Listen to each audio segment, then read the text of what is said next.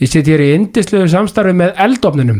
Eldofnin eh, Grímsbæ við Bústaðaveg, minn allra uppáhals, ég veit ekki að stára landinum, það er nú bara ekkert flóknar en það. Pítsur til að, já, bara ég veit ekki hvað gera fyrir, þær eru svo góðar. Eh, Mitt kombo er, já, eins og, svo, eins og ég hef nefnt áður, það er sko Siki Spes og Kvíðisbröð.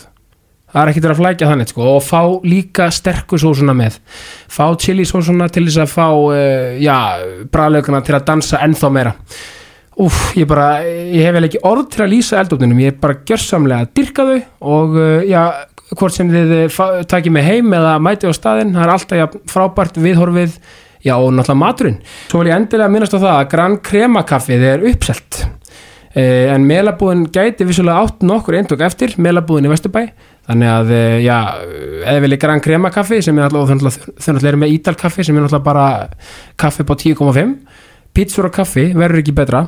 Já, þið viljið fá uh, Gran Crema kaffi þá þurfum við bara uh, eitthvað öllítið að býða en melabúðinni svo segi, gæti átt nokkur eindok eftir. Þannig að endilega tjekkja á því.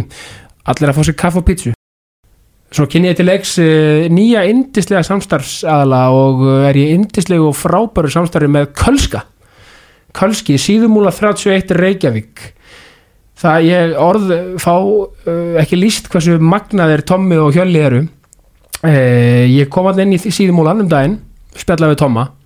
Uh, þetta var svo labba inn í búð á Fifth Avenue eða á Bond Street í London. Þetta var svona lyktin, stemmingin listaverkin uh, þú veist Það er eitthvað, það er eitthvað andi aðna sem er óútskýranlegur, fötin eru náttúrulega mögnu sérsömið jakkaföt og allt í bóði, það eru þeir eru með sko vörur bara allt frá sko þú veist ég veit ekki hvað, bara allt sem tengist eh, já fancy dressing eins og maður segir og hérna sér saumað allt saman. Þetta er náttúrulega bara þeir eru snillingar og ég slakka mikið til þessa indislega samstarfs með Kölska, Kölski síðumúla 31, allir að kíkja þangað sem vilja fá uh, háklassa og gæða jakkafött Gestum við þessa vikuna er Gerður Aribetnandóttir Gerður er eigandi Blöss uh, og var til dæmis markasmanneski ársins fyrir árið 2021. Hún er algjör snillingur, gjörsalega mögnuð og það var æðislegt og magnað að spjalla við hana. Gerður Ari Bendundóttir, gjör svo vel.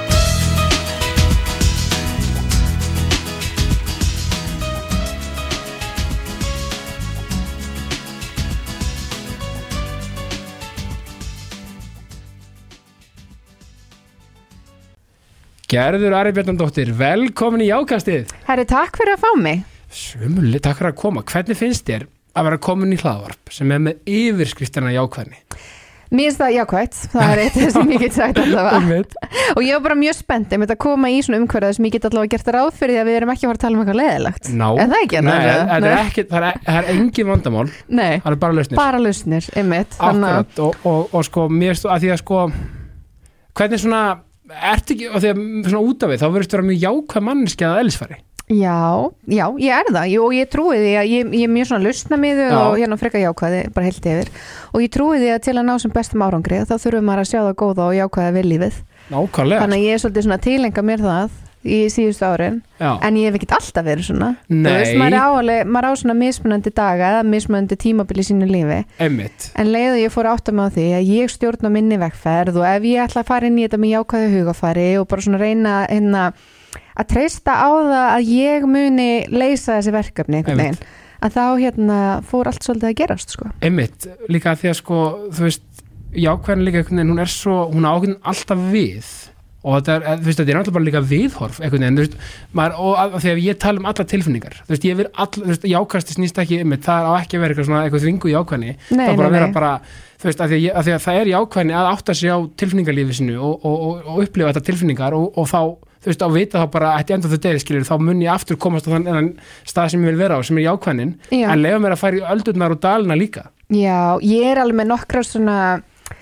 sko svona reglur fyrir sjálfa mig. Já, ok. Þú veist, þannig að, og ég veit að það eru að núti sem hugsa bara guð minn góður, sko, þetta reglur fyrir sjálfan sig, Já, er með, veist og þetta allavega hjálpa mér, en gæti mögulega hjálpa einhverjum öðrum að vera með smá svona ég, mér langar eiginlega ekki að kalla þetta reglu heldur svona leiðarvísir, eða svona struktúr, hvernig ég díla við allar tilfinningar, af því að einmitt eins og þú sagðir, og það er í bóðu að upplifa allt og Einmitt. stundum verður maður bara ofsa reyður og ofsa hérna e, sorgmætur eða vonlaus eða eitthvað slikt Mhm. og það þarf að vera í bóði líka en ég er með svona fimm mínútna regluna. Mhm. þú veist, og ég veit að margir hafa tilenga sér þetta en þú veist, ég leifi sjálfur mér að vera brjáluð í fimm mínútur. Já, og hérna, en síðan bara verði ég að læra að skrúa mig niður. Já, af því að það er heldur ekki gott að vera eins og til dæmis sama með þegar við verðum svona hæperglöð Já. æfáttur, þegar maður fyrir svona yfir streiki maður er svo spenntur og já glæður maður bara, maður fara eitthvað frétti kannski, maður bara gjössanlega Já, trillist maður bara trillist. Já, en maður þarf líka að geta skrúa sér niður Já. á þú veist heilbriðan hátt en ekki bara fara niður í dýpstu lagðirnar sko, því það er líka annað sem maður þarf að skoða svolítið, er að halda þessu svona jafnvægi í lífinu.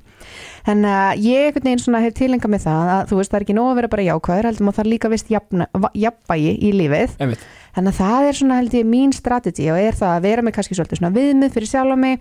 Að hérna ég leifi mér ekki að upplefa neikvæða tilfinningar í meira en 5 mínútur en ég verð að koma þeim í orð. Ég þarf að geta sagt við sjálfa mig herri nú er ég bara rosa reið. Já, og stundum þegar ég upplifi þetta gagvart manninu mínum eða í samskiptum við svona fólk sem er náu mér þá segi ég oft fyrirfram herri nú er ég reið.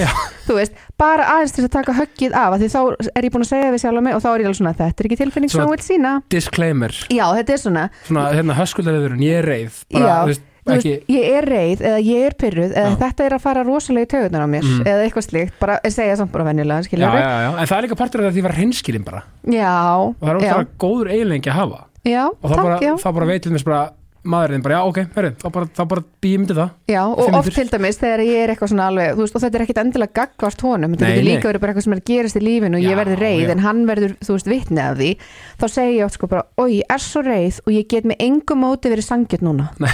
af því ég veit að ég er að fara að vera ósangjörn af því ég sé bara mína hlið á málinu, af því það er alltaf tvær hliður á öllum málum. Algjörlega, þannig að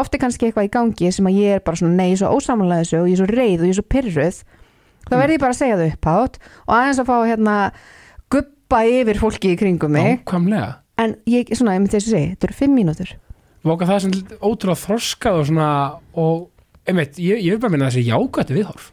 Já, en það hefnaðist ekkit í fyrstu tilvæm Nei. sko. þú veist, þetta er eitthvað sem ég er búin að æfa mig í mörg, mörg ár og það er alveg eðlilegt að maður missi stjórn á skapu sín annars þú veist, það er ekki hérna, alltaf eitthvað, þú veist að því eins og þú sagðir, að ef maður allar að fara í gegnum lífið bara í einhverju svona svona monotónuskur eða hvað heitir, bara svona flatur. Já, já, já, bara svona fl, fl, einmitt, flæði eitthvað inn í gegn bara Já, eitthvað, einmitt. það er heldur ekkert næs sko. Nei, og þú veist svo líka bara, einmitt, þetta er geggjaða punktur að líka bara átta sig á einmitt sko líka í hvað aðstæðum eins og fyrir mig, þú veist ég er mjög svona geggóður og jákvæður elsfari mm -hmm. ég fæ alveg svona ákveð, ákveðna útrás fyrir mörgu eins og bara ég, ég, spila fótbolta Já, bara svona já, ég er ekki eitthvað leiðilegur, ég er bara svona, bara hafa svona kettniskap og allt þetta. Já, já, og þá hvernig bara, og svo hleyp ég líka hverjum deg já, og það er bara er mín, mitt sen, mín mantra. Já, ok. Og ég hvernig næ bara svona, þú veist, ef það er eitthvað leiðilegt sem gerist eða eitthvað, þá bara svona næ ég svolítið að frinsa það út þannig. Já, einmitt, ég er nefnilega þetta er kannski eitt af því sem ég þarf svona að huga að eða bæta í mínu lífi, er Já. einmitt þetta að finna mér einhvers þar, hvað er alltaf ég að fá útrásunum já, mína? Já, já, þú veist að ég núna í dag er þetta svolítið bara svona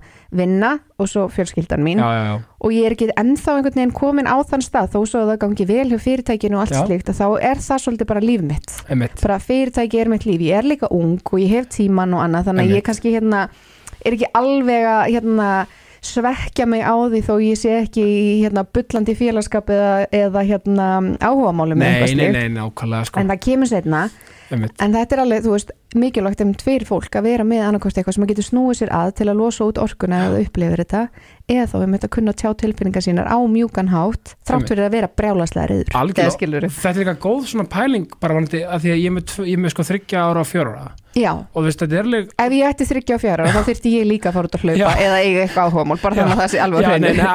mér finnst punktur góð með sko að láta vita, herru, nú er ég bara ógislega pyrraður Mhm, eða pyrruð, skilju, mhm. Mér finnst það svo gott bara líka tól líka bara fyrir krakkarna að svona læra, bara, bara pappi, ég er ógislega reyðið að reyðu núna Já, mér finnst það góð, svo gott svona uppeldis já, koma orðunum sín, eða tilfinningunum sín í orð. já, og líka bara við sem fóldrar að tala að börnin, herru, nú er ég svolítið svona ásáttum með þetta, Já, pyrraður. að pyrraður Já, og já. bara, og mér langar svo til að ræða það Já. Að eins og ég er á þess að að missa sig bara svona að tala bara mannskilega Ég og Ulling, sko. Já, Þannig að já. ég segi mjög reglulega, ég er alveg að missa stjórn á skapi mínu og þá segir hann, ok, þú veist, þannig að það er alveg svona, veist, en þetta virkar alveg, sko. Ég get alveg sagt því, en ég er alveg að verða pyrruð. er alveg, það er rosa stutt í það að ég verði pyrruð núna. Að- en það er bara, ég menn hver og eitt þarf að finna aðferði sem virkar fyrir það. algjörlega Þannig, að- og ég er bara svolítið kannski búin að leggja mikla áherslu á þetta síðustu árin af því ég er í svo ofbáðslega miklum samskiptum við fólk. Og oft er ég kannski að díla við, þú veist, ég ætla ekki að segja erfið samskipti en oft er ég að díla við einstaklinga sem hafa kannski ekki alveg sama samskipta minnstur og ég. Nei, nei, Þú veist, og það er til dæmis eitthvað sem ég alveg líka þurft að læra. Sumir eru bara rosa harðir og samningaviðræðum eða eitthvað já. slíkt. Að meðan ég mæti kannski með meira svona mýgri approach og bara svona hei, vinnum þetta saman Einmitt. og gerum þetta vel og eitthvað svona og þá þarf maður svolítið líka ofta að sína þólumæði og vera bara, já, herrið, við ætlum hérna við nálgum slutin og sveikvinn háttin en ég þarf að byrja virðingu fyrir báðum aðferðunum. Einmitt, ég, ég get líka trúa því sko að nú náttúrulega einmitt að reyka bara nokkuð stort fyrirtæki og þú veist, og þú veist, þú ert að tala við markasfólk, þú ert að tala við, þú veist, hérna einhverju samstæðstæðala og byrgja og, og þú veist, allt þetta, mm ef og hver og einn einhvern veginn hefur sitt eh, svona nýs, eða skilur með sitt svona sitt approach á þetta Já, sitt svona strategíu. Já, Mhm. og þú veist, eh, þetta er einmitt líka alveg góð punktur, var þetta kunstina að tala við fólk og mismunandi fólk á mismunandi tímum í mismunandi aðstæðum þá, veit, eins og bara Mhm. við að tala, var þetta auglýsingar eða bara einhver byrgja sem þú ert að kaupa af. Já, og þetta er einmitt, minnst þetta svo fyndið sko, af því að ég hérna, ég er svona svona svolítið svona, vil ég telja mig svolítið listrann svona, svolítið svona le leiklistar og, og handrita með einn lífinu sko. Já. Og það er þessi leikþáttu lífsins mm, svo, svo er þetta allt einhvern veginn bara veist, fólk, aðlaða sig að einmitt. aðlaða sig að fólkinu sem er í kringum. Einmitt, við erum svolítið kamiljón sko. Og, og hérna, og veist og, en svo, svo, En lendur aldrei í aðstæðum þar sem þú bara getur ekki verið kamilónið og þarf bara svolítið að segja bara, herðu, jú, er möguleiki getið fengið að tala við einhvern annan aðala innan fyrirtækisins? Eða er einhver annar sem gæti síðan þetta mál? ég, sko, það, sko, ég er bara einhvern veginn ég er bara einhvern veginn sko jú, það, þú veist, það getur alveg komið upp sko en, Mhm. en svo er líka þetta er mitt og þetta er mitt viðhorfi sko, ég sjálfur ég, viðhorfi mitt gagvart einhvern veginn öllu og, og, og, og setti svona tjaldið í leikþætti lífsins svolítið niður hjá mér Mm -hmm. því ég, ég missi pappa minn fim- 15 ára gammal, gammal úr, úr sjálfsvíði Mhm. sem var mikið bara svona eins og ég oft rætti í þessu þáttum var bara rosalega mikið þroski tilfinningar sem þetta taka út Já, og ef ykkur er mitt í samskiptu við mig og það kemur að punktinum er eitthvað svona eitthvað leiðilegur eða, eða leiðilega eða skilur ég upplifi það. Ósangjöld ósangjöld, það er Mhm. frábært orð. Mm -hmm. þá býtur ekkert á mig ég finn einhvern veginn teljum mig alltaf að finna lustn á ef það er eitthvað ves af því að þú veist það býtur ekkert á mig eitthvað svona bara ef, ef ykkur er ósangjöld eða eitthvað þá bara æherru, þú veist, manna, þetta er ekki þessi virði. þetta er ekki þessi virði, nákvæmlega. Já, já, já, þú veist, og þá reynir ég bara að finna lausn og, og einmitt, ef kannski við það næst engin bara, heyrðu, þá bara verður að tala einhvern annan eða ég að tala einhvern annan eða Já, skilur, já, já. þá er það bara lausnin. En það kalla líka á helling sjálfströst að geta sagt þessa hluti að segja bara, herðu, er kannski einhver annar sem getur séð um þetta mál eða eitthvað því ég sé ekki fram á að við sem fara að ná lendingu í þessu máli. Einmitt, og Og segja þetta svona Já, já, já, já, algjörlega, maður er að velja réttu orðin sko.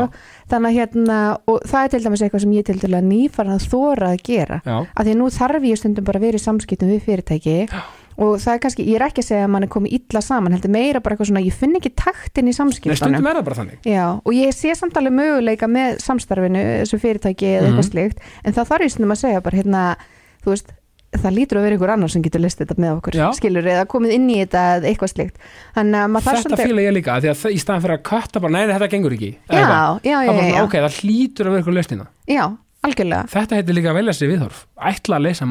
það já, já, já, og kannski er það ástæðan fyrir okkur hefur gengið vel, af því að við höfum verið svolítið lausnamið, fundið Absolutt. aðferði til þess að leysa erfið máli í lífinu, nei, segir svona. Þannig, en meina- þetta er náttúrulega bara þetta er eitthvað sem maður þarf að læra með tímanum. Og ég ætla alveg að og, rétt eins og þú talaður um að þú ert að þroska strætt á stuttum tíma. Já, þú veist, enga veginn sambarilegar aðstæður en þú veist, ég er 21 og því ég stopna fyrirtæki mitt. Já, allt í einu þarf ég bara að fara að takast á ákvarðanir. Þú Einmitt. veist, að taka, að taka loka ákvarðanir eða bera ábyrð á einhverju og ég hef oft sagt það, til dæmis bara það ég er með hérna 13 starfsmenn í fullu starfi. Já. Og fullt er 13, já, eða 14 með þér Já, við við erum 13 í heldina, að við erum 13 stöðugildi, þannig að þetta eru Já. fleiri starfsmenn heldur en það, Já, en það sem ég til dæmis ber ábyrð á launum starfsmanna, þannig og það þarf alveg vissan þroska til þess að geta tekist á við það, ég ber ábyrð á laununum þeirra sem þýðir að ég ber ábyrð þeirra fjárhag og þeirra, þú veist, þennan innkomin og inn á heimilið, þannig að og fyrst þegar ég var að byrja þá var ég bara, oh my god, ég trú ekki að þetta sé á mína ábyrða því að ef eitthvað fokast upp, þá var það mér að kenna. bara takk þetta allt bara, takk þetta allt. Já, það var bara mér að kenna einhvern veginn. Þannig að þú veist, ég þurfti alveg að þroskast svolítið hratt á því Já. leitinu til að ég mitt bara bæða þú að segja, segja hvað mér finnst e, taka þessi ákvarðanir hvað sangjant, hvað ekki. Já, Já. og bera ábyrð á alls konar hlutum sem að mér hefði aldrei nokkuð tíma gruna að ég þurfti að byrja ábyrð á Mhm. mér finnst alveg nóg að þurfa að byrja ábyrð á mínum eigin fjármálum og mínu eigin barni já, en þau eru ekki líka að vera með á samviskunni ef eitthvað kemur upp á að ég sé valdur því að einhver gæti ekki gett sér í matinn sko. að en sem betur fer, þá gengur vel Já, bara absolutt og hérna, og að mynda árum förum dýbra í blöss ævintýrið, sko, þá vil ég bara, ég spyr alltaf hver er, sko, hver er gerður? Manneskjan. Það veit að flesti svona hvað það gerir, sko. Já, bara svona, einmitt hvað, hvað er það alveg upp og, Já, ég er sérst hérna alveg upp í kópóinum já, ok. Ég er í lindaskóla. Já, og hérna, ég myndi segja að ég væri bara svona tiltöla, ég er hérna, það kemur mörgum mjög mikið óvart sko, en ég er mikill introvert. Ok, og hérna, og, og svona uni mér best, best bara ein. Já, og hérna hef aldrei þar, haft einhverja mikla þörf fyrir að vera með mikið af fólki í kringum eða eitthvað slíkt. Eða að- aðteglið eitthvað. Sko ég þarf aðteglina Ah, það ok. er nefnilega það sem er svo skrítið sko. ég er introvert sem elska samt að standa upp á sviði Já, en ég elska ekki að vera í einhverjum svona félagslegum aðstæðum þar sem ég þarf að spjalla við ókunnut fólk ekki dómikið að koktelbóðum með hlutis. Nei, einmitt, ég var einmitt að hugsa ég hérna er að fara á morgun á hana, Sahara íventið í hörpunni. Já, þúsundur manns, ég er að fara einn sko, ég skræða mig bara einn og ég er bara ekkert búin að spyrja hvort einhver sé að fara. Nei, neitt, nei. ég er bara, ég ætla að fara einn nema hvað, að síðan fá ég e-mail á þann bara eitthvað svona, og arbandið á Sahara íventið gildir líka á Airwaves tónleikanum helgina. Ok. og ég var bara, vil einhver eiga þetta? Já, þú veist, að, ég er ekki að fara þanga ég var farin heima að elda. Já, síðan er ég bara farin já. heim og horfa Netflix Já. og vinna og eitthvað svona. Þannig ég er rosa lítið svona partydýr Já, ok, Eh, já. þú veist, nema þá náttúrulega bara veist, með allra mínu nánasta fólki Já. kannski, þá er ég alveg svona en þetta kemur mjög mörgum á að ég virðist vera mjög opinn og ég er það alveg, skilur það má ekki alveg mér skilja Nei, þetta nei, nei, en en ég sko, nærist á því að vera ein já, umvitt. það finnst mér alveg, og bara bestu dagarnir eru bara því ég er ein heima allan daginn og enginn er heima, þá er ég bara oh my god, þetta er geggja Já, bara, það er kannski líka útskýru líka að einhverju leiti líka, menna, eins og velgi menna, þú veist, þegar, þegar fólk er mikið eitt með sjálfur sér Já, þannig að ertu ekki líka oft svona að hugsa þú ert einn svona, ok, þetta, getur gert þetta svona? Ég mér leiðist aldrei. Nei, Mér leiðist aldrei og maðurinn hann skilur þetta ekki. Hann er stundum bara eitthvað, ok, gerður þú ert búin að heim í þrjá daga. Já. þú veist, langaður ekkert að fara út úr húsi eða og þetta snýst ekkert um kvíða eða þunglindi eða neitt steg þá er ég bara, nei, nei, nei, þetta er alveg að vera komið. Og þá er ég með einhverja geggjar hugmyndir og að plana og græja og gera Mm. og ég það ég man ekki hvernig mér littist síðast. Nei, og þú ert ekki með þess að þörfa að þurfa að vera ykkur starf nei, eins og svo margir, viðstu að maður svo margir sem bara, já, hvað, sé ég er að missa stóri. af einhverju Já, eða einmitt, eitthvað. stóri Instagram, bara, akkur er ríki þarna? Já. veist, akkur er ríki í London núna? Ég, já, ég er sjálfur mér mjög nú sko. En að- það er geggjað. Já, þannig að það er kannski svona partur af mínum persónuleika sem Já. að hérna fólk ge- gæti haft gaman að þið vita. En Algjörlega. annars er ég bara ég er rosalega metnaðafull Já, og ég hef ofbúslega stóra drauma og, svona, og það er ekkit mörg ár síðan ég fór að þóra að segja frá því hvað ég væri með stóra drauma, ég var alltaf svolítið svona kannski að halda því fyrir mig mm. en ég trúi því að, að ef við þórum að segja drauman okkar að Mm. þá líklega að þeir verði að veruleika eða markmiðin okkar, við getum kallað þetta bæði. Já, þú veist, hvað er að vestar sem gerist? Þú ert með drauma markmið, Já, skilur og þú vinnur að því. Já. það er þó anskoti betra að hafa reynd og ætla sér eitthvað sem maður langar í Nákvæmlega, heldur en að sitja og ætla bara að segja að þetta gengur aldrei. Já, einmitt. Og þá, Þannig- þú veist, að fara neði eitthvað og bara opnast tvær dyr hínum megin, þetta er ekki flóknar en það. Nei, það er ég Já, mínu svona stæðstu hvað segja, personu Já, eiginleikar. Já. eða eitthvað Já, Þannig, En annars er ég bara, ég er náttúrulega móðir ég ég á úlingstreng og hérna svo er, er ég kærasta já, á maka sem er alveg dásamlegur og við vinnum saman í blöss. Frábært. Þannig að, uh, já, ég elska elda. Mér finnst alveg ofbóðslega gaman að elda góðan mat og ég eigði miklum tíma í eldhúsinu svona flesta mánuði, ekki Já. frá kannski oktober til desember Nei. en svona hina mánuði ársins þá nýti þess mjög mikið að elda góðan mat og hvað er gerður special? Ú, ég er rosa klára að elda indvest Ú, vá, alveg það, svona indvest á grunni með nanbröði og eitthvað svo leðis það er endar eiginleiki sem ég væri til í að vera með. Það geta elda indaskum kemur bara matrislega námskipti mín ég bara kenn þér þetta. Klálega Herru, við mættum Þannig að- bara hjúin og bara, bara þetta, Já. þetta, herru, Þetta er þetta er bara manifest slegið. þetta er slegið. Af því ég er líka svo mikill svona social person Já, eða ekki? nákvæmlega, við brótum þannig ís núna Já. sko hvernig er það þið voru, búið ekki hver að gera núna? Nei, eh, hvernig er það? Nei, við erum Nei. að flytja í hveragerði. Þeir eru að flytja í hver að gera Já, við erum sérst að byrja að byggja hús í hveragerði. Geðveikt. Já, og erum svona að vonast þess að það, við getum byrjað núna í svona rétt eftir áramót. Og já, fyrir svolítið eftir veðri. Og það kannski það kannski hérna er það svona kannski líka partur, þú veist, það er náttúrulega ekki introvert að fara í minna samfélag, skilju en það er kannski að því að myndi Já. hugsa ó, mér langar ekki frá borginni, eða eitthvað svona en Já. þú er bara, á, næs að komast á kannski bara, bara þessu- draumurinn já, er það ekki? sko, Jakob eru hvergerði já, já, ok Já, maðurinn minn sem sagt og Já. hérna öll fjölskyldan hans býr þar og allir okkar vini eða stór partur af Já, okkar ok. vinum eru þar þannig að þeir eru með tengingu náttúrulega þetta Já, þannig að við erum svolítið eiginlega bara að fara aftur heim sem sagt, Æði. þannig að þegar við byrjum saman þá bjó Jakob í hvergerði og hann ætlaði sko aldrei að flytja til Reykjavíkur aldrei, hann alveg tilkynnti með það. Svo einhvern veginn gaf hann eftir og flytur hérna í húsið sem við eigum núna. Já, og e, svo einhvern veginn komu lóður í sölu í hvergerði já, og við vorum búin að ákveða að við ætlum að flytja hver að gera eftir svona kannski 10-15 ár. Svona þegar við varum búin að koma okkur vel fyrir búin að kannski komið bara eitthvað sem stjórnar blössoldið og við þyrftum ekki ennþá að vera svona mikið í vinnunni svo komið lóður í sölu og við vorum alveg bara veik að þetta eru bara drauma staðsetningin Já. hans og bara við vildum einhvern veginn þetta var þar sem við hefðum vilja vera. Geðveikt. sóttum um lóð og fengum draumalóðin okkar. Þannig að við erum bara að fara að flytja hver að gera en það eru samtalið, maður verður að taka þetta smá hérna það er, 810, ekki, nei, nei, ekki, ekki spyrja. Nei. Nei, ég veit Nei, nei, það ég var ekki. að spyrja, ég var bara að segja fyrir mig. Já, ég veit ekkert hvað postnumur er í hver að gera en ég þarf kannski að fara að kynna með það. Ég meina manifest. Já, nákvæmlega en, hérna, en það eru náttúrulega alveg kannski tvö ári í þetta eða eitthvað. Já, veist, já. að ég segi, Við erum ekki byrjuð að byggja. Við vorum í dag á síðasta fundinum með arkitektunum Það er næðis áður en hægt er að senda þetta inn til samþyktar Þannig að þú veist, við erum bara mjög snemma í ferlinu en mjög spennandi og ég get alveg ímyndum mér þetta verið krefjandi.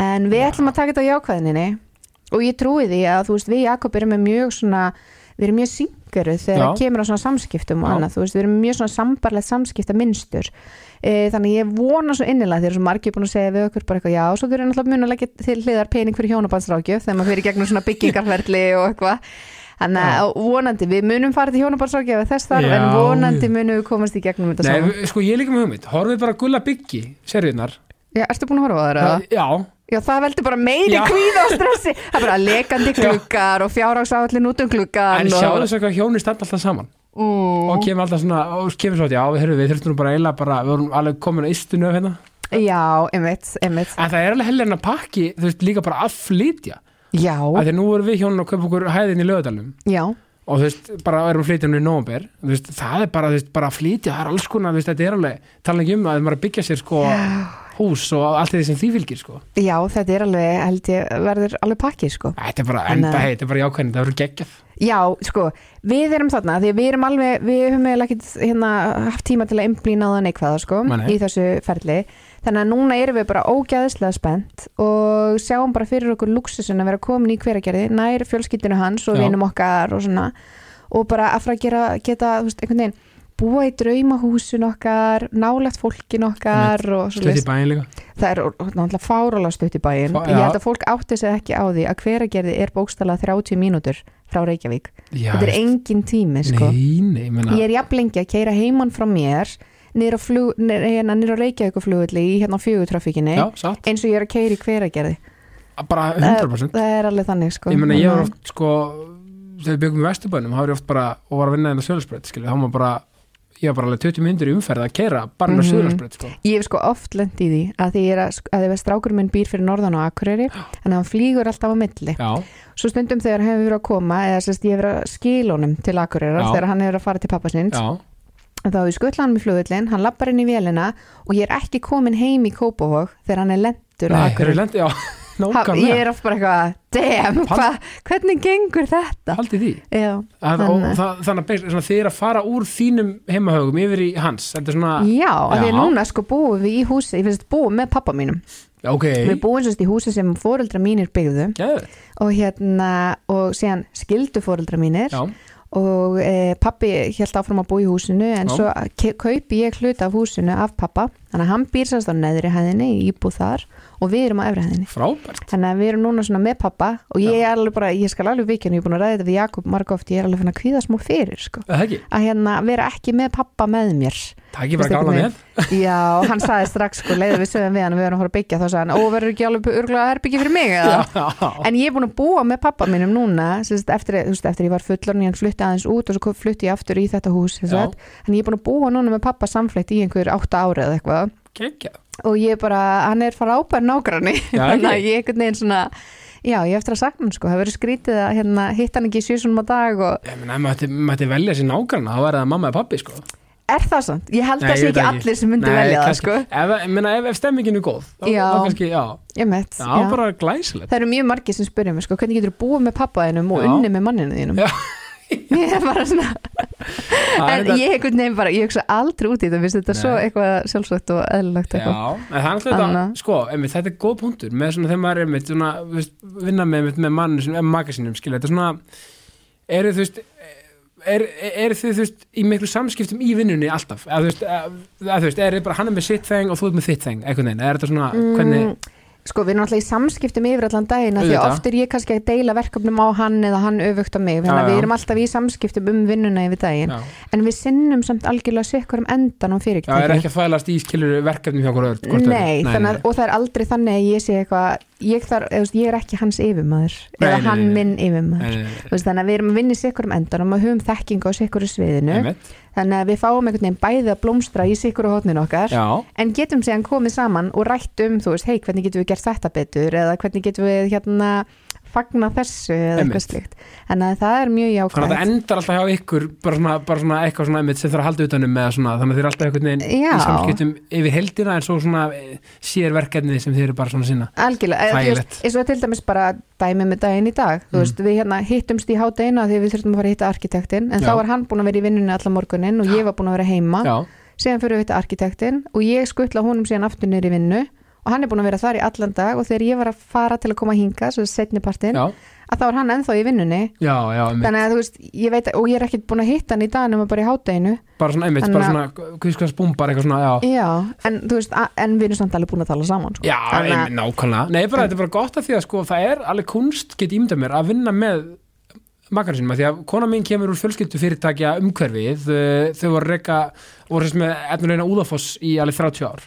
Og, var, og, þannig, og þannig að ég hef kynst þessu fjölskyldu fyrirtækja uh, dæmi sem er bara algjör snild og, og, þau mynd gera það svo vel. Já, Og það þarf rosa mikla svona það sem maður myndi kalla svona þú þarfst að vera svona humble. Þú þarfst að þóra eða, eða sko, að geta tekið gaggrinni og þú þarfst líka að geta deilt verkefnum og trist öðrum fyrir verkefnunum. Algjörlega. Að ég get ekki ímynda mér hvernig það væri ef Jakob væri alltaf bara, ertu búin að þessu, ertu búin að þessu? Eða allar að gera þetta svona, eða öfugt skilur, Nei, ef ég væri líka alltaf svona með hann. Já, það myndi bara En, búið uh, til eitthvað svona tókstritu og eitthvað svona, hei, bara, ef, ef ekki bara hættu næs, eitthvað svona, æ, þú veist. Já, Já. einmitt, algjörlega. Þetta er, er, er, að- er ekki skemmtilegt.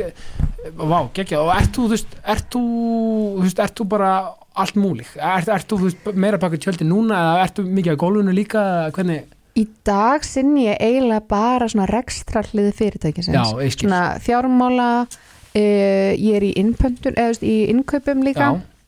Uh, og svo er ég sé ég markasmálin já, þú veist, að hluta til, við höfum svona verið að ráða til okkar líka einstaklinga til þess að aðstofa okkur inn á milli og svona þegar er auki álag og svo er ég svolítið í vöruþróun líka. Þannig að við erum alltaf að þróa okkar eigin vörun eins og við höfum verið með spilin, blösspilin. Svo erum við með nýja vörulínu sem heitir Reset. Og þannig að ég er svolítið í því. Þannig að ég er svona að þróa nýja vörur og aðferðir og svolítið það er gam, er ekki skemmtilegt? Jú, þetta er mjög skemmtilegt og þetta er ótrúlega svona skapandi Já, skapandi og líka bara fjölbreytt. Þannig að suma daga er ég veist, ég kallaði leðila, partina starfinu sko. þetta er svona eina sem ég þykir ekkit sérlega skemmtilegt og Nei. það er að svara e-mailum. Já, ég er alveg bara, ég get alveg stundum bara dáið inn í mér þegar ég er að svara kannski, þú veist, að því stundum svara ég ekki e-mailum í 2-3 daga. Já og þegar ég opna síðan e-mailum þá er kannski bara 78 ólesin e-mail eitthvað. Og það fæ ég alveg svona, Nei, já, og þá bara kikkar það allt saman inn. En þá veit ég bara, ok, allur dagur minn er að fara í þetta. Já, já, já, og það sem er versta við þetta er sko að leiðu þú byrja að svara fólki þá svara fólk þér tilbaka. Veit veist, þá þannig að þetta pæla er- upp aftur sko. Þannig að þetta er bara svona rullandi bolt einhvern veginn.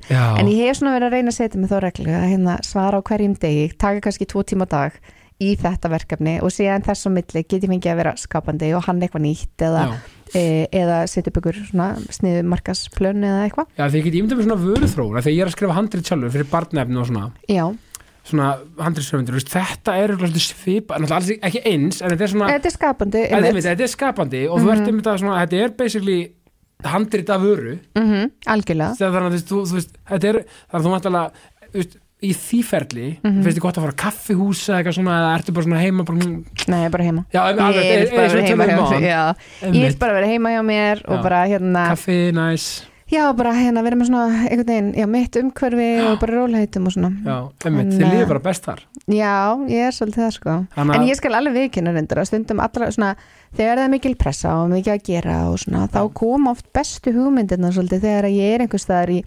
útlöndum eða, veist, hérna við tökum hérna helgi á hóteli eða eitthvað þar sem að síminn er bara silent og það er enga tölfur bara, en ó, ég fikk hugmynd að dagatali Já, einmitt, já, einmitt. Þannig að hérna síminn minn, þú veist, notesið í símanum mínum það er alveg bara stút fullt af alls konar hugmyndum sama, sko. hér, við erum greinlega með smá eh, sko, ég, ég, er með, ég er með, með reminder á nót stúdvill, ég sína það eftir til, til að sanna það. Já, ertu, ertu, ertu með svona ertu með svona, eh, svona aðteglis snild, eins og ég kalla það, ertu með svona eða getur þú fókusa vel eða hvað? Sko, ég er svo mikið hugsa út ég er allavega ekki greind með Ekki heldur, athyglisbrest sko. eða neitt slíkt ég sko. er 100% með, ég er sveimhugi 100% með eitthvað, eitthvað, aðteglis snild eins og ég kalla það, Já, ég, ég held að ég sé ekki þar sko. nei, en það er bara En- kreatív Já, af því að þú veist, mér hefur alltaf gengið vel að einbytta mér svoleiðis, en ég er náttúrulega, ég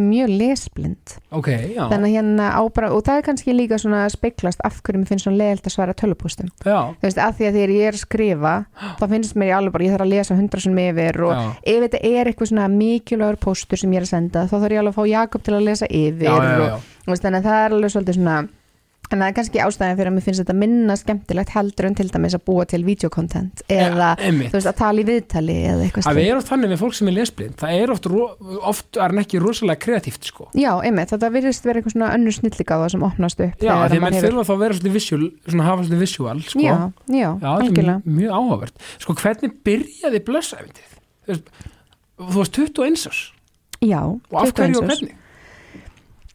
Sko, mér langaði alltaf að eiga fyrirtæki. Já, Þú veist, ég var einhvern veginn alltaf bara svona draumurinn var svolítið að bara hérna stopna mitt eigi fyrirtæki Mhm. og eitthvað, en ég bara vissi ekkert hvað mér langaði endilega að gera. Nei, en síðan e, kom upp aðstæður ég, hérna, vinkon mín kemur til mín og hún segi bara ég var að kaupa nýtt kynlífstæki og mér langar svo sína þér það Já. og ég var bara ekki sína mér kynlífstæki. Það bara. mjög skrítið og mjög óþægilegt. Já, en hérna, svo hún mér kynlífstæki sitt eh, gegn mínum vilja og hérna, og ég þannig að var það komið fram. Já, bara þannig að það komið fram. Já. Rakel síndi mér kynlífstæki en hérna, og við vorum báðar bara mjög svona heitar fyrir því að stopna fyrirtæki. Og þá þegar hún síndi mér kynlífstæki þá var ég bara, stopnum kynlífstækja fyrirtæki Já, en við fórum í það að finna vörumerki og skoða þetta og svona. Þið fóru bara all in strax. Já, það var, eða sko ég ætla að segja að við fórum all in strax en það var samt þannig að við fórum all in og hættum síðan við Nú, þannig að við hættum alveg við og tókum síðan boltan aftur upp eftir svona kannski þrjá mánuði.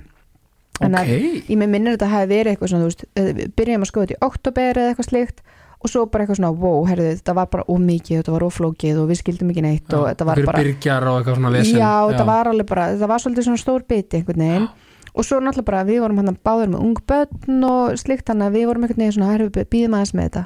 Svo man ég eftir að, þú veist, í kannski janúar og februar eða eitthvað, þá hérna fór aftur alltaf fullt, sko. Já, af því að, af því að svona, þetta er svo, þetta er svo magnað með margt. Þegar maður emitt, er komið með eitthvað, eitthvað hugmynd og eitthvað, svo svona, að þetta er kannski ekki alveg rétt. Svo er hún alltaf, alltaf í höfðuna það þér. klæjaði í heilan sko. En- þetta, var, þetta var alveg þannig og, þú veist, og þú það er ekki við þetta Nei, bara. ég bara losnaði ekki við þetta, var alltaf að hugsa um þetta var alltaf einhvern veginn að skoða þetta betur og eitthvað svona. Og svo endaði með því að við bara ákveðum að prófa að panta. Og það gekk alveg, þú veist sko, ég get ekki sagt að það gengi vel Nei. en þetta var mjög skemmtilegt og ofbúrslega lærdómsrikt fyrstu árin Já, og svo ég myndi segja svona kannski fyrsta eitt, tvö, á- eða svona fyrstu tvö árin þá var þetta bara svolítið svona eins og dýrt áhugamál sko já, já, Þú já, veist, já, við já. vorum ekki græðin enn peninga og Nei, þetta nei. var svolítið bara þannig að við, það rúlaði en við þurftum samt að vinna hellingi í þessu án þess að fá pening sko. Einmitt. en, uh, og Rakel einhvern veginn ákveður á þessum tíumpunkti bara, þú veist, ég ætla hérna að hún fekk alveg frábært atvinnutilbóð sem hún ákveða að taka og Já. hún hugsaði bara, herðu ég ætla að stimpla mig út úr þessu. Þú mútt halda áfram að þú vilt Já. en hún var tilbúin að halda um að vinna hjá fyrirtækinu. Ok, Þú veist, þannig að hún held áfram að vera með heimakynningar og Já, þá fekk hún borgarlóksins fyrir það sem hún var búin að vera að gera frítt í tvö árið eða eitthvað. Þannig að hérna og svo einhvern veginn bara já, held ég áfram og þrjóskaðist við að því það er svolítið það sem að maður þarf að gera þegar maður er í fyrirtækirekstri að það er að komast í gegnum hennan erfið að hjalla eða bara þennan vegg sem Já. að maður einhvern veginn lendir ástundum en uh, og það tók alveg ég ætla að segja svona fjögur, fimm ár. Já. þú veist það voru alveg svona, já það er, já, svona fjögur, fimm ár sem að hérna að fyrirtæki var ekki búið til neina peninga Nei, og ég var bara svolítið að borga með þessu. Og ég var í tveimur til þreim vinnum alltaf meðan, og reyna og þú veist, reyna einhvern veginn að láta þetta ganga upp. En ég er rosa glöð og að sjálfsögðu bara hérna ánað að mér hafi tekist að koma þessu á flug Þetta, veist að, þetta er svo magna, það virðist alltaf vera þegar maður er að tala um fólk sem er byrjaði ungt í, í fyrirtækjaristri og, og svona það er alltaf þetta grænd út af ströggul fyrst sko. Já, já, já, og, veist, að, veist, bara, og fólk að núti bara ekki gefast upp. Þannig að finnir þú þína ástriðu mm bara ótrúlega ung sem, sem er algjör forréttindi að finna að því að sumir eru alltaf að leita veist og bara aldrei voru sint fyrir neitt sko notabenni nei, en hugsa hvað er geggjað að finna þarna bara ástriðuna mm hugmynd sem fer aldrei úr kollinu með einhvern veginn Mhm. og þú, þú, þú, þú lætur að vera veruleika. Það, svo, það er svo mikið hugrekki mhm. það er svo cool, það svo veist, það sýnir veist, innri kartirinn svolítið, finnst mér. Já, takk fyrir það. Ég held, að gefst sé, ekki upp. ég held að sé allavega þannig og ég hef alveg ofta rætt við fólk sem er í huglengum og stopna fyrirtæki og annað og þá spyr ég alltaf svona spurninga hvort þetta sé ástriða Já. og bara svona hver er ástæðan fyrir þú vilt hérna búa til þetta fyrirtæki, þú veist hvert er markmiðið? Eða þá er markmiðið bara easy money fast cash? Einmitt, þá skaltu bara finna þér eitthvað annað. Einmitt, þetta Skilurðu? verður að vera ástriða þetta verður að vera ástriða af því að þetta bara, veist sko ég segi ofta að ég eigi tvö Já. ég á eitt barn en blöss er annað barnið mitt.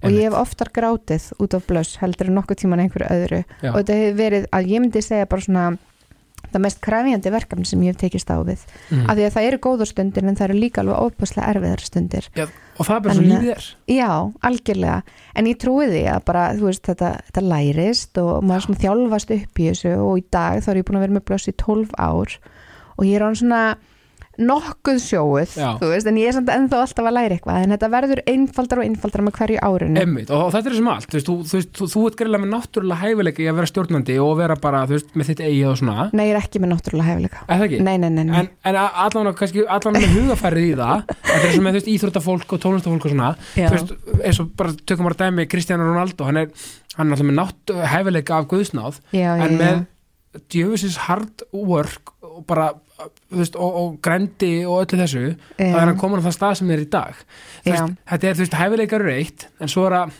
andlega, þú veist, hliðin, hausinn og, um þetta ástriðan Já. sem, sem hún getur farið með þessu ofbúslega langt Já, eins og ég segi, þó ég segi sko, nei, ég er ekki með náttúrulega hæfileika sko, ég er með hæfileika á einhverju sviði varandi sköpunagleði og eins og í markasmálum og annað, þar liggja mínu hæfileikar já. en stjórnun var Já. eitthvað sem ég þurfti algjörlega bara að vera með fólki í vinnu Einmitt. það var eitthvað sem var bara fyrstu árin var bara rosalega krefjandi Einmitt. erfitt fyrir mig og ég þurfti alveg að læra bara af mistökum og þurfti alveg bara að hérna, hvað ég segja einhvern veginn að finna mig í þessu og hérna og farið á námskeið og bara afla mig þekkinga þegar að koma þessu af því ég var svolítið meira þannig að ég var bara djöðlega er þetta fokkin veist, og ég gat ekki skilið hlið annara veist, ég átti mjög erfitt með Já. það. Ég bara, nei, svona er þetta og svona verður þetta. Mhm. í staðis að vera bara, já, herðu, kannski getum við mögulega fundið einhverja leið hérna til að hittast í miðinni veist, þannig að ég ætla alveg ég ætla ekki að hérna, e, segja að þetta hafi leiði svakalega vel fyrir mér Nei, en ég þurfti að læra en þetta. þetta er satt líka hreinskilni í bland við sjúklega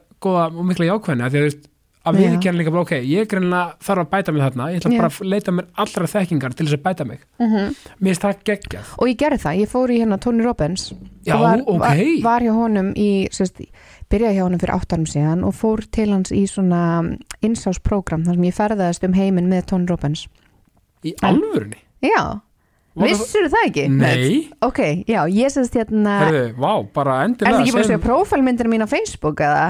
Nei, ég, ég bara, ég er í sjokk hérna ég, Nei, við Tony Robbins erum bara, ég ætla ekki að segja best friends en þú veist, er, við, Þeir eru bara alveg vinnir þú ég, ég, nei, ég get ekki flokkan sem vin minn. Nei, það er kunningar. þú veist, hann, hann kann ekki anþá að segja nafni mitt, skilur Nei, Gardner já, eða þú er gjörl eitthvað. þannig að hérna Ok, það er er Já. komið fyrirsögnuna Kunni ekki Tony Robbins. Ég er að reyna hérna ég get ekki skoða myndinu mínar prófælmyndinu mína. Eða, þú getur kannski gert Já, En allavegna, að hérna, já, ég semst ákvaða að fara í eitt ár og ferðast um heiminn Já. og vera með honum Tony Robbins og læra af honum. Já, og þú þekkir verkin hans eða hvað hann er að gera, já. Og hann er sérst bara aðalega, þetta snýst um það að bara styrkja hérna sjálfströstið og vera jákvæður og standa með sjálfum sér en svo er hann líka að kenna svona business uh, hliðar og líka andlu hliðina Já. og næringu og alls konar. Þannig ég tók bara heilt ár. Þannig erum við tóni mitt. Þannig erum við út í Abu Dhabi. Já, hann, uh, og hérna og þetta var Geðveikt. bara þetta var ótrúlega skemmtilegt og þetta er svona vel skipulagt prógram því leitinu til að, þú veist, maður fer í hérna við til dæmis fórum í svona andlega ferð, svona Já. spiritual trip. Já, og þá förum við til Abu Dhabi og Indlands Vó. lærum allt um svona hérna orkur og hugleyslu og alls konar svo leis við, við mannfólki, við erum bara orkur, sko Já, í, þessum stóra heimi sem við vitum ekkert um Já. bara við vitum að við vitum ekki neitt Aristoteles nefnir alltaf í, í ákvæmstinu sko. já, Þú ok veist, en það er svo gaman að vera þarna Já. að leita sér þekkingar mm og vera svona einmitt að átta sig á því að ég er orka hérna og ég ætla, og einmitt, þá kemur því líka ég ætla að vera jákvæð orka Já, algjörlega, Já. ég er mjög samanlega því sko. Já.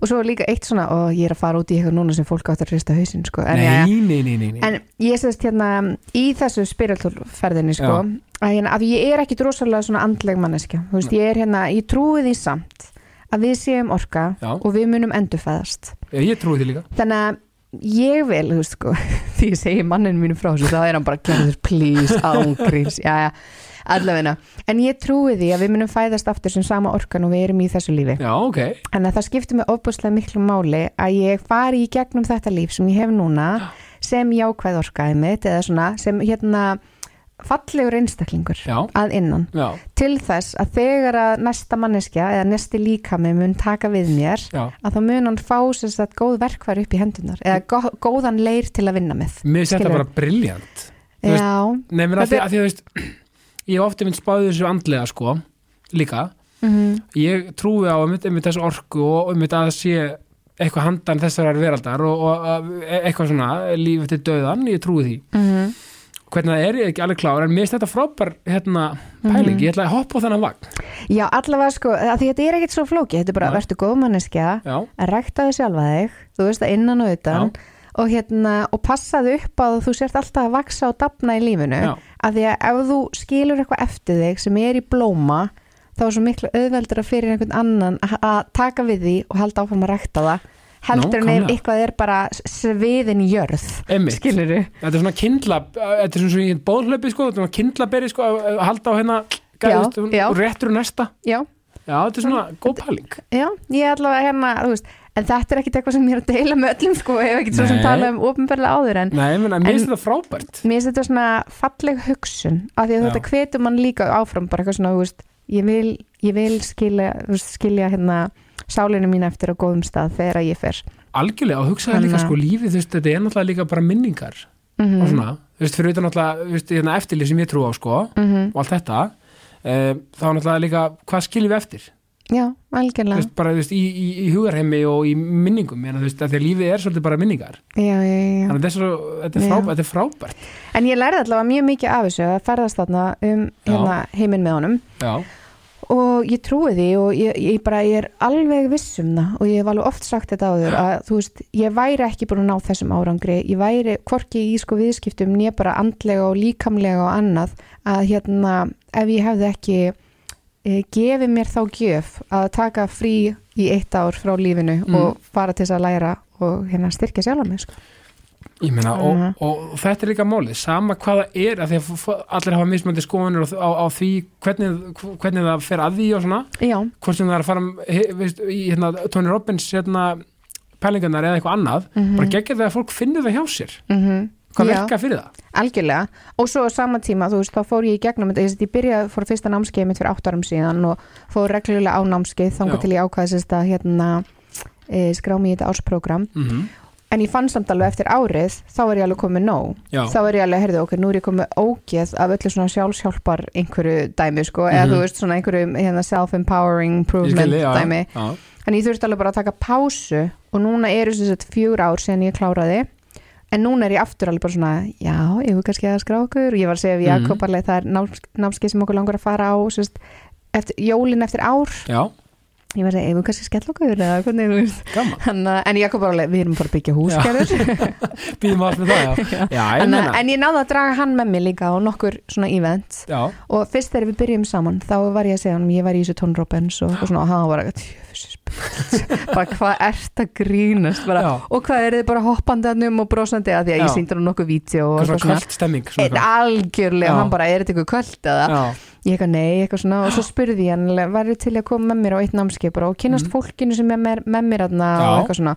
hann bara, nei, ég er ekki Nei. ég alveg, please, please, please og endaði með því hann fór með mér. Ok, eftir fyrsta daginn, þá sagði hann við erum að fara fleiri námskeið. Í alvöru Já, Já, það var bara, veist, og við fórum saman á einhver þrjú með hann að hafa skellt sér samt? Já, og við fórum saman á einhver þrjú eða fjögur námskeið þannig að hérna, og þú veist, þannig að það er einhvern veginn svolítið, þú getur eiginlega ekki dæmt þetta eða ákveðu hvort það sé fyrir þig eða ekki, án þess að prófa eitt námskeið nákvæmlega þú veist, þá einhvern veginn svona kemst maður inn í þetta og maður er bara eitthvað, vá hvað maður getur verið öflugur eða lært ótrúlega margt eða, Nákvæmlega og Mm. já, ég get trúið því, maður finnur svolítið svona, emmitt, þetta er svona, maður fer svolítið inn á við og finnur svona, því þú, svo gott, sko, þú því þú þú veist, hérna, þú veist, talar um hrósi einhvern tíminn einhverju viðtali, já, hvað hrósi er mikilvægt? Já, og einmitt að þóra að hrósa sjálfum sér líka. já, algjörlega. þannig bara kótið alveg, ég er Já. með þetta, ég er klár.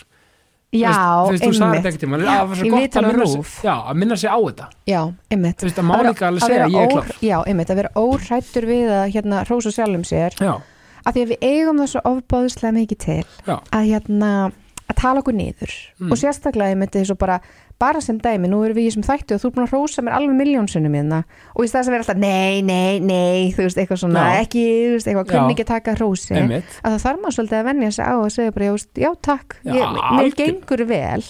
Og ég er bara eins og í þessu tilfelli þetta er þessi viðtal sem var tekið í rúf eftir að ég vann hérna markasmanniski ásins og hérna og að því að það var bara andlega pínu erfitt fyrir mig sko að vinna þessi velun að því ég fór strax í þann pakka að draga sjálf mig niður og vera Já. bara eitthvað af hverju vann ég Svona eitthvað imposter syndrom, af hverju ég á að vera þarna. ég bara hljóta að vera einhver mistök Já. og bara þú veist hvað er í gangi og eitthvað svona og þangar til að ég þurfti bara bókstæla að segja við sjálf mig bara gerður hættu, þú ert með þetta Mhm. þú ert klár, Já. eitthvað svona Einmitt. og leið og ég svona, var búin að þylja þetta upp í nokkra daga að þá þorði ég að segja það upp átt og ég sagði það mér í viðtalinu bara ég, ég er klár, ég er hérna má þetta? Og ég, þessi orð þau, þau, þú veist, ég var svo ánægða með þetta og ég var svo, já, þú veist, bara þetta er málið, þú veist, þetta er Já. sjálfströst, dug og þor, skilur, þú veist, og, og þetta er líka ástæðan okkur að vinna sér velun Já, einmitt, gæti verið. og líka það sem ég er svo skemmtilegt að því að stundur svona smá svona, þú veist, mentun er frábær og bara indisleg og bara frábært að fólk finnur sér sína leið því. Já, en þannig kemur þú skilur minna, þú, þú veist, það er rétt með, þú ert ekki, ekki háskólagengin eða, eða búið mennskóla nei, einmitt. Og þú veist, þú ert bara með þetta mm þú veist, og það er líka vannmeti kannski bara stundum kannski bara hæfuleikar og svona reynsla og svona hjá fólki Já, sko, ég hef alveg oft rætt þetta og ég hef sagt, þú veist, ég vildi Já. óska þess að ég hefði geta farið þessa leið að fara í háskóla stundum, þú veist, Stundum, stundum hugsa ég alveg bara, ó, ég vildi óska þess að ég væri með eitthvað BA-próf eða Já. MS eða master eða hvað sem þetta kallast allt saman. Já, þú veist, bara til þess að hafa eitthvað til að bakka mig upp að því að það er alveg vita mál að það eru fleiri tækifæri sem liggja í því bara leiður komið með einhverja gráður á baki veist, það er auðveldur að komast að en á sama tíma þá upplýði ég líka alveg bara pínu svona þakklæti að hafa ekki farið þá leiðina Já. og fengi að bara finna mína eigin þú veist, ég segja oft sko, þið hérna hinn eða flestir, allir, þið já, hinn já, já, já, en bara flestir keirum á hraðbrutinni já, já, ég er búin að taka sveitavegina já, það einmitt tekur lengri tíma. Það er töluvert óþægilegra og hóllara bara fyrir bifræðina Mhm. að keira þessa vegi. Og þú ert mögulega að taka bensín oftar Já, já, já, en á sama tíma þá komumst við væntanlega á sama endapunktin á einhverjum tímapunkti. Algjörlega og á þessari vegferð þá fekk ég bara að sjá ótrúlega mikið fallit útsýni. Ég einmitt, fekk að læra alls konar nýtt og svo leiðis þannig að bara, þú veist, þetta er svona skemmtileg myndlíking, þú veist, ég þurfti að skipta nokkur sem um dekk og Ég þú veist, allt já. þetta. Og raunir reynsla líka sem þú getur ekki veginn, er, þetta er svona reynsla sem þú getur ekki kent heldur, sko, þetta er svona reynsla sem maður bara þarf að upplifa ef maður ætlar að fara þá leið. Já, og ég líka aftur, veist sko, mentun er bara ég bara, bara hvet alla til að menta sig sem vilja og bara mentun er snild að öllu leiti, Mhm. en mér er líka bara svo gaman að heyra stundum sögur sem eru kannski ekki endilega bara þessi svona innan gæsala bara típiska leið. Já. Ég elska En þannig líka. Ég held samt að stór ástæða fyrir þeirri velgengni sem ég hef náð til dæmis í markasmálum já, er svolítið það að það er engin búin að segja mér hvernig á að gera þetta. Einmitt. Skilur þannig að ég er bara svolítið að finna mínar eigin aðferðir og er bara svolítið einhvern veginn svona veist, og, og ég er óhrætt við að vera bara eitthvað, nei, nei, nei, gerum þetta svona eða breytum þessu svona eða eitthvað skilur þannig að þá oft koma bara einhverja dásamlegar hugmyndir upp og ég er ekki að segja, sko, þú veist og þú lætur bara að vaða? Já, stundum, þú stundum er það slæmar hugmyndir, sko, þannig að það bara ekki miskilja mig, það Nei, er bara svolítið þannig. bara. Já, já, þannig að hérna en ég trúi því að af því það var enginn sem kendi mér þetta já, að þá hérna er ég bara svolítið að finna mína eigin aðferðir. Einmitt, og svo líka svo magnað að því við tölum, sko, að því að hérna, þú veist, mér, sko ykkar markasherferðir eru alveg ógista flottar og bara geggjaðar og það sem ég veist samt líka vera svo mikilvægt í því og, og, og svona, svona, svona áberandi, þar eru líka ekkert allt og flóknar. Nei, einmitt. Mér finnst bara einfallleikin, þú veist, það koma allir svo vel til skila eins og bara auðlýsingarna með dagatali núna allir mis, Já. sem er báðið hvita alla til að hérna, tryggja sér það dagatalið. Um, það, þetta er, þú veist ég, kann, ég get ekki útskýrta, en þetta er bara svona einfalt, elegant, þú veist kemur allir til skila. Ég, er þetta ekki, Já. ertu ekki sammála mér? Svona bara einfallleikin er oft svo Jú, upprænilega byrjar þetta náttúrulega bara út frá því að við áttum ekki pening til að marka sitt okkur sko. Já, þannig að við þurftum bara svolítið að reyna að búa til eitthvað einfalt og þægilegt Já, og já. hérna, en svo bara einhvern veginn sáum við svolítið að það virkar og uh, höfum bara einhvern veginn, já, geta hérna haldið því áfram að Já. búa til, þú veist, sko, svo snýst þetta ekki endilega allt bara um einhverja byrtingar eða auðlýsingar sem byrtast í sjónvarpi eða vefborðar eða eitthvað slikt, Nei. heldur snýst það líka svolítið um bara svona konsepti og grípa tækifæri eins og við vorum með skákmót um daginn út af hérna, út af það því var að alltaf ógeðslega gott sko Já, en það, þú veist, þar fengum við til dæmis alveg gríðarlega góða auðlýsingu á öllum helstu miðlum þar sem Já. var verið að fjalla um að blössvallega með skákmót. mm Þannig að við erum svona öðruvísi hérna, approach í þessu og þessi hugmynd kom bara frá hérna, stjórnanda Chess After Dark, skilur Já, sem að hérna, podcast þætti.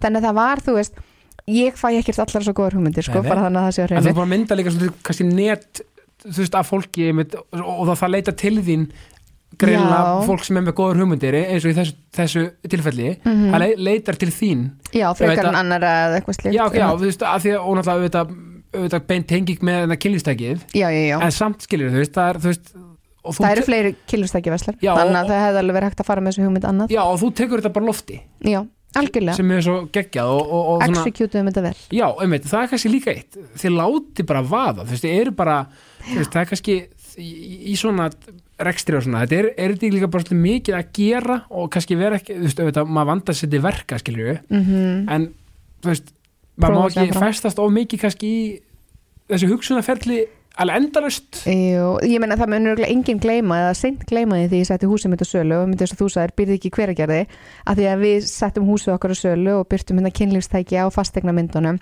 briljant, þú veist, uh, já takk þetta er partur af markasærferð og auðvitað, húsið mátti seljast ef einhver hefði viljað kaupa það mm. en þarna vorum við til dæmis í öllum helstu fjölmjölum uh, með það að húsið verið til sölu Mm. og þetta var alveg bara rosalega vel hefnuð herferð í heldina og hún, þessi hugmynd kemur frá Pipar, öllisingastofu og Já. við unnum þetta með þeim þannig að það er alveg, þú veist það er hægt að gera ímislegt ótrúlega svona sniðugt og Mhm. öðruvísi og allt svo leið, eins og þú segir maður þarf þá líka að vera opinn fyrir því. Að vera opinn fyrir því að gera eitthvað öðruvísi. Og og, líka- það er kannski ástæðan fyrir að allar þessar hugmyndir koma til okkar, er þetta að við erum opinn fyrir því. Einmitt, og líka kannski kvartningi með fyrir það sem er að byrja í rekstri og er kannski ekkert með, veist að, eru kannski ennþá í þessu ströggferli þar að segja, þá meina ég bara svona að vera komin til fótunum og, og Mhm. svona allt þetta eins og flest fyrirtæki gangi í gegnum. Á svona kvartning til að vera svona frjóri hugsun og hugmyndaríkur og svona og, og þú veist, að því að eins og þú sagðir, minna, það þarf ekki endilega að kosta handleikin að vera kreatífur og gera eitthvað sniðugt Nei, nákvæmlega, ég er mynd með hérna námskeið, hvernig fyrir þessi þáttur í loftið? um, bara, Núna eftir, nei já, bara eftir kannski, já, vi- viku tvær Já, Veist það? ok. Læg. Ég er sérst búin að vera að halda hérna e, námskeið reglulega að hérna, og það sem ég er einmitt að kenna þetta bara er svona öðruvísi markas, e, e, Ok. markasærferðir e, það sem er svona hvernig við náum aðtegli og e, já, bara aðtegli með öðruvísi aðferðum. Einmitt, en, nákvæmlega. e, en á, ég myndi segja að þetta er kannski svona mín sérþekking. Eða þú veist, en það, þetta verður svona minn svona styrkleiki.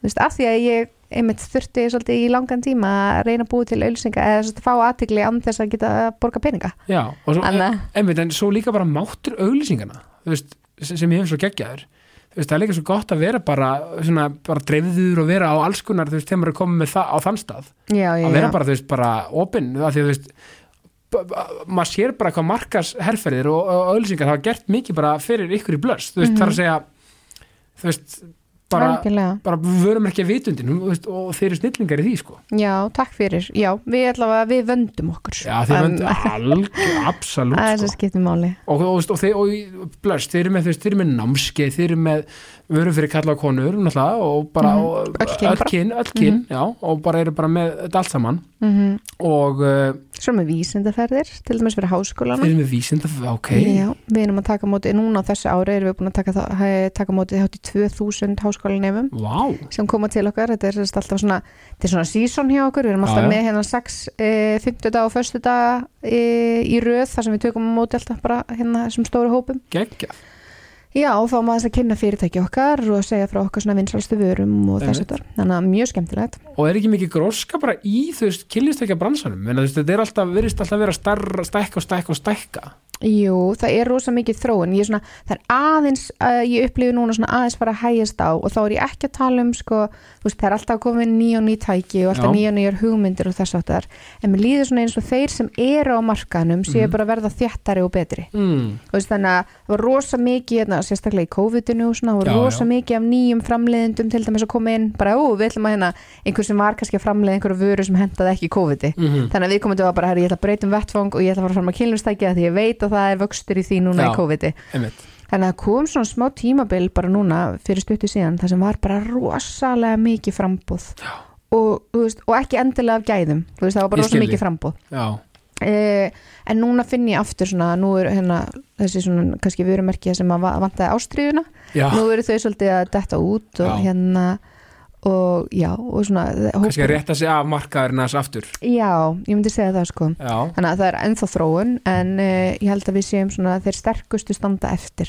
Já, það er svolítið held ég það sem er að gerast núna. Já. Um allan heim sko um allan heim áhugavert af því að sko af því að sko maður einhvern veginn, mér finnst líka bara opnari umræða um þetta og fólk er ótrúlega Mhm. bara opið að tala um bara Og- sínar upplifanir og já, kynlistek sem notar. Og svona. já, þetta er búið að breytast mjög mikið á síðustu 12 árum allavega. Og- og þú veist, mér finnst einhvern veginn ég man þegar ég var að byrja með blöss og ég var að segja, já, ég er að reyka hérna fyrirtæki sem heitir blöss og fólk eitthvað, já, já, ég, er það ekki eitthvað kynlífs eitthvað, eitthvað tóna, þú veist, alveg svona. Já, já, en í dag, þú veist, þá bara taka allir á móti mér og bara eitthvað, oh my god, ég var að kaupa með tæki um Já, daginn, já, þú veist, eða, ó, ég var í búðinniðin í síðustu viku, eða, veist, þannig að það er alveg, það er talsverðu munur, sko. og er ekki líka, veist, er ekki bara orður svona þannig í samfélaginu líka er ekki fólk bara, að því ég get ímyndað mig kannski fyrir einhverjum x árum síðan Já, fólk er bara svona, hörðu, hérna ég ætla ekki að láta sjá mig farin í hérna kynlistekja búðina hérna, eða eitthvað svona skilur mhm, þetta er náttúrulega bara nú um mannskapurinn bara leikum við setjum þetta á Instastory sko, það er feri, ba- bara, það er, bara Já, svo, að það er stoltir bara, því að það er svo geðið líka bara umræða um kynlíf bara almennt, er bara orðin eitthvað svo opinn og fyrst mér og,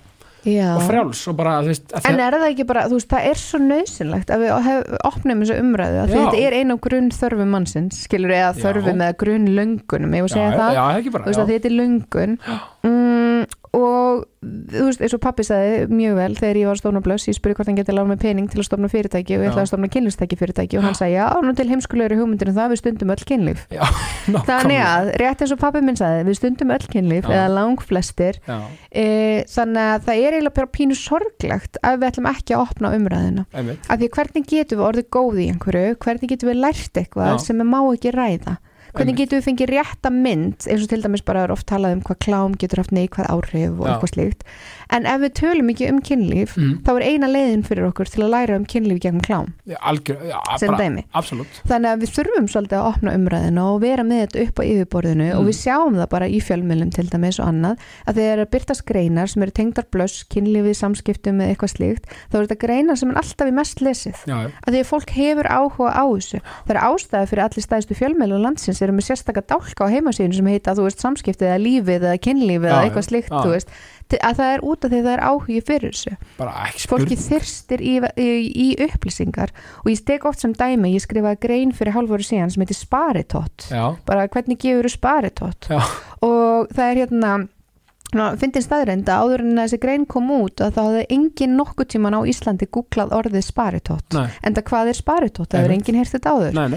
Nema ég skrifa þessa grein og hún fyrir alla helstu fjölmiðla e, og hún er alltaf bara mest lesna greinin inn á blöss.is og þetta poppar alltaf upp, þetta greinlega fyrir svona væral reglulega einhvern veginn að sendist, sendist þetta eitthvað á milli.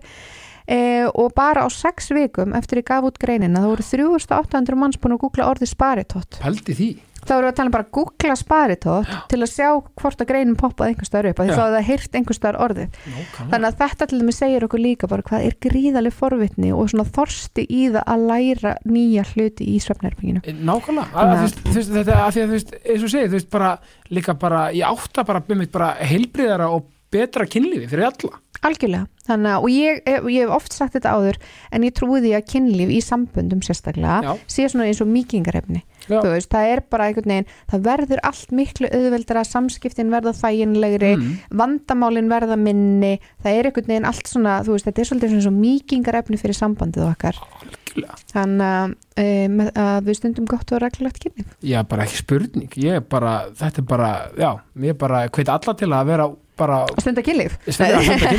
Já, og líka bara opinn, þú veist, bara með ræðmynda við, þú veist, bara ræðum þetta bara, ræðum um þetta bara og tölum um þetta því að þetta er svo mikilvægt þú veist, að, að þetta sé ekki eitthvað tabú, að þetta sé bara Við gerum svona könnun uh, inn á blöss.is á Instagram já, þar sem vorum að spurja hvað langt síðan þú talaðir síðast við maka eða við gáum út spil í fyrra, fyrir jólinni fyrra sem heitir forleikur. já, mjög flott Já, takk fyrir það. Spilið sem snýst um það að þú ert al, bara að ræða um kynlíf við makaðinn og Mhm. þetta getur náttúrulega haft bara hérna kynörfandi áhrif á mann, skilur að tala um þetta ásleis. mm En þá gerðum við svona könnun um það hvað langt síðan þú talaðir síðast um kynlíf við makarðinn Sérst ekki bara eitthvað að leiðin upp í rúm, bara hei, þú veist, elskan. nei, einmitt, einmitt. Heldur meira bara eitthvað svona hvenær settustu síðast niður í sófan og bara rættuð kynlíf. Já. og það var bara sláandi fáir sem gera þetta reglulega. Já, ég held að það hefur verið sko undir 20% sem ræða reglulega við makan sinn um kynlíf án þess að vera að fara stunda kynlíf það var alltaf lítið.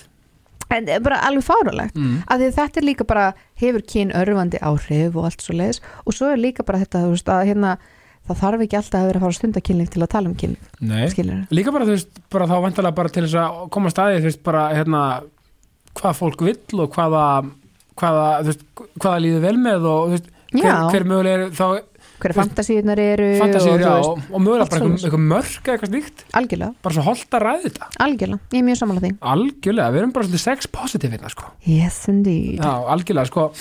Er eitthvað svona, þú veist sko, er eitthvað svona sem drífuði áfram í leik og starfi, bara eitthvað svona ertu með einhverja möndru, bara svona, það er kannski bara þetta sem við tölum um, ég er með þetta, ég er klár. Það er hvað, Það er meira svona já til þess að peppa mig áfram sko. já, Já, um, ég held að það sé bara þú veist sko, við erum náttúrulega bara kannski snert á ykkur af þessu, þú veist, Algjörlega. mér langar að skila sálinu minni í því ástandi sem ég vil að einhver taki við henni, það er alveg það er mjög góðu drifkraftur á einhverju leiti já, mjög. Uh, en síðan er það kannski líka bara það að ég hef bara bilaða ástriði fyrir því að fólk upplifi gott og jákvætt kynlíf. Já, veist að þannig að veist, ég veit að margir hugsa bara já þú ert að reyka fyrirtæki þannig að peningar hljóta vera einhvers konar draugraftur og sjálfsögðu er það það líka að þú veist maður er alltaf með einhvers konar fjárhagslega markmið.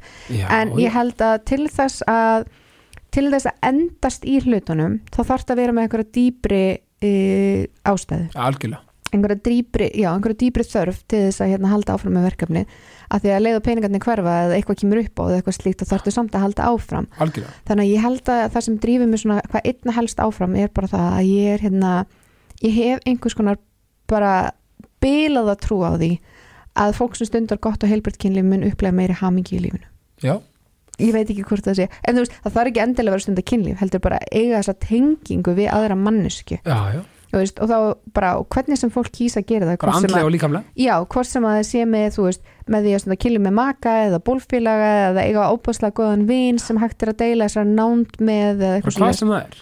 Já, þannig við, við mannfólkið erum í grunni, við þurfum náttúrulega, erum svona nándarverur og félagsverur og nándarverur, já. já, Og þú veist, var ekki ekkert um að tala um veist, þessi snerting sem er svo Jú. veist, að fólk finni fyrir, þú veist, það þarf að minna bara almenni snertingu, bara svona, að, veist, að finna, þú veist, þetta er eitthvað, ég kann ekki útskýra það, en að því ég þekka ekki alveg nóg vel, en þetta er svona, það var eitthvað pæling með það, þetta er át að make a sense, mm það er þannig. Þannig að þetta er alveg magnað, já, skemmtilegt, þetta er um ykkur óvænt áhugamál, sem, sem fólk átt að veit ekki alveg svona, um, Nei, mér skortir svolítið áhugamál. Já, já, að- við snertum Já. að það líka á þannig að þetta er svona, en það Já, er ekki, að því að sumi En- kom bara kannski bara, já, herði, ég elska að hekla eitthvað svona, skilur við, já. Já, Nei, en ég hef alveg ábáðslega gaman að því að syngja. Syngja, Já, Ok. og hérna gerði mikið af því þegar ég var yngri já, og ætla alltaf að vera söngkona. Varst að læra þá söng, Já, ég hef alveg tekið nokkuð sinnum og verið að læra. Bara á alls konar námskeið og svona. Aldrei sent, Nei, einmitt kannski hætti ég bara að selja dildo og að vera að syngja. Að hver veit sko. En, en svo hef ég gaman að því líka þú veist, þegar ég hef tekið mér svona skúrk og verið að rækta áhuga máli mín þá hef ég líka verið stundum að æfa með píano já, en, uh, en svo er það bara held ég elst, uh, eldamennskan sem er kannski mitt svona stæðsta áhuga mál sem ég er að sinna að einhverju leiti í dag sko. Já, en þú, þú ert Ná. grunlega, þú veist, emi, þú ert svona, þú ert listræn, sko, Já, en ég vil helst bara eiga áhugamál sem ég get sendt heima hjá mér. E, já, ég meina það- söngur, flíill og, og, hérna, og, og það Já, nú, það, er við allt- ættum ekki að græja það. Þetta er allt til heima, sko, ég er með píano heima já, ég get sungið heima hjá mér já, og svo er ég með eldhús. Þannig að hérna, ég, já, ég er svolítið þar sko. En uh, kannski einhver tíman þegar ég hérna nenni eða þegar ég hef tíma þá langar mér alveg óbáðslega mikið að fara að æfa póldans það er geggjað. Já, ég mynd Ég- fóri það þegar ég var steggjaður, það var ógislega gaman. Já, þetta er nefnilega svona pole fitness, svona, fitness, þetta, þetta er nefnilega alveg hörku íþrótt, ég hef farið á svona námskeið sko. Þetta er, þetta er rosalega erfitt sko. Já, mér finnst þetta mjög skemmtilegt en mjög krefjandi, Já. en þetta gerði líka óbúðslega mikið fyrir sjálfströstu mitt Þú veist, ég var alveg bara svona fyrir fram á speilin og þurfti svolítið að takast á því það að horfa Mhm. á sjálfa mig og hérna, þú veist, fellingarnar eða slitin eða eitthvað sem að, hérna, maður er kannski ósáttur við. Og svo einhvern veginn því lengur sem ég horfði á þetta þá var ég bara, djúvill er ég flott. Eða skilur, veist, þannig að það kom einhvern veginn svona, þannig að ég, ég er svolítið innan þar ef ég ætla, vald eflandi þetta er valdeflandi, já, mynd, þannig að ef ég ætla að finna mér eitthvað nýtt áhugamál, þá þarf það eiginlega að vera svona, já, og, og vera svona kannski pínu krefjandi.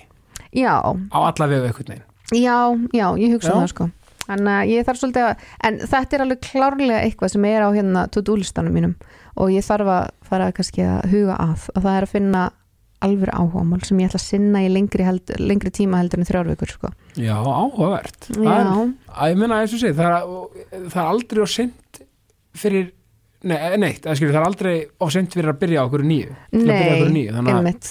Ég svona skýli mér alltaf bara baku eins og ég sagði inn í byrjun þáttarins, ég er ennþá svo ung og ég hef ennþá svo mikla orku og mikinn kraft Einmitt. og eitthvað svona, þannig að núna er áhugamálum mitt bara svolítið fyrirtæki mitt en ég ger mig fyllilega grein fyrir því að það má ekki vera þannig alltaf. Einmitt. á einhverjum tímapunkti þá þarf ég kannski að eignast áhugamál sem tengist ekki starfinu mínu. Eh, Já, algjörlega, en og aftur bara hvernig bara fólk í lokin til þess að bara, veist, bara fylgdu ástriðinniðinni og, og var aldrei á sent eða með, veist, bara hvað sem er, bara go for it, sko. Nákvæmlega, kynlíf getur líka verið nýtt áhugamál hjá einhverjum eða Ah, þeir eru að núta að hlusta. spurð, ég meina bara hvað sem er, bara go for it og hérna bara og, og, og, og ef þú farið hérna, ert með einhverju hugmynd að fara nei eitthvað eitthvað, þá bara opnast tvær dyr og, hérna og það versta sem gerist þú fara nei.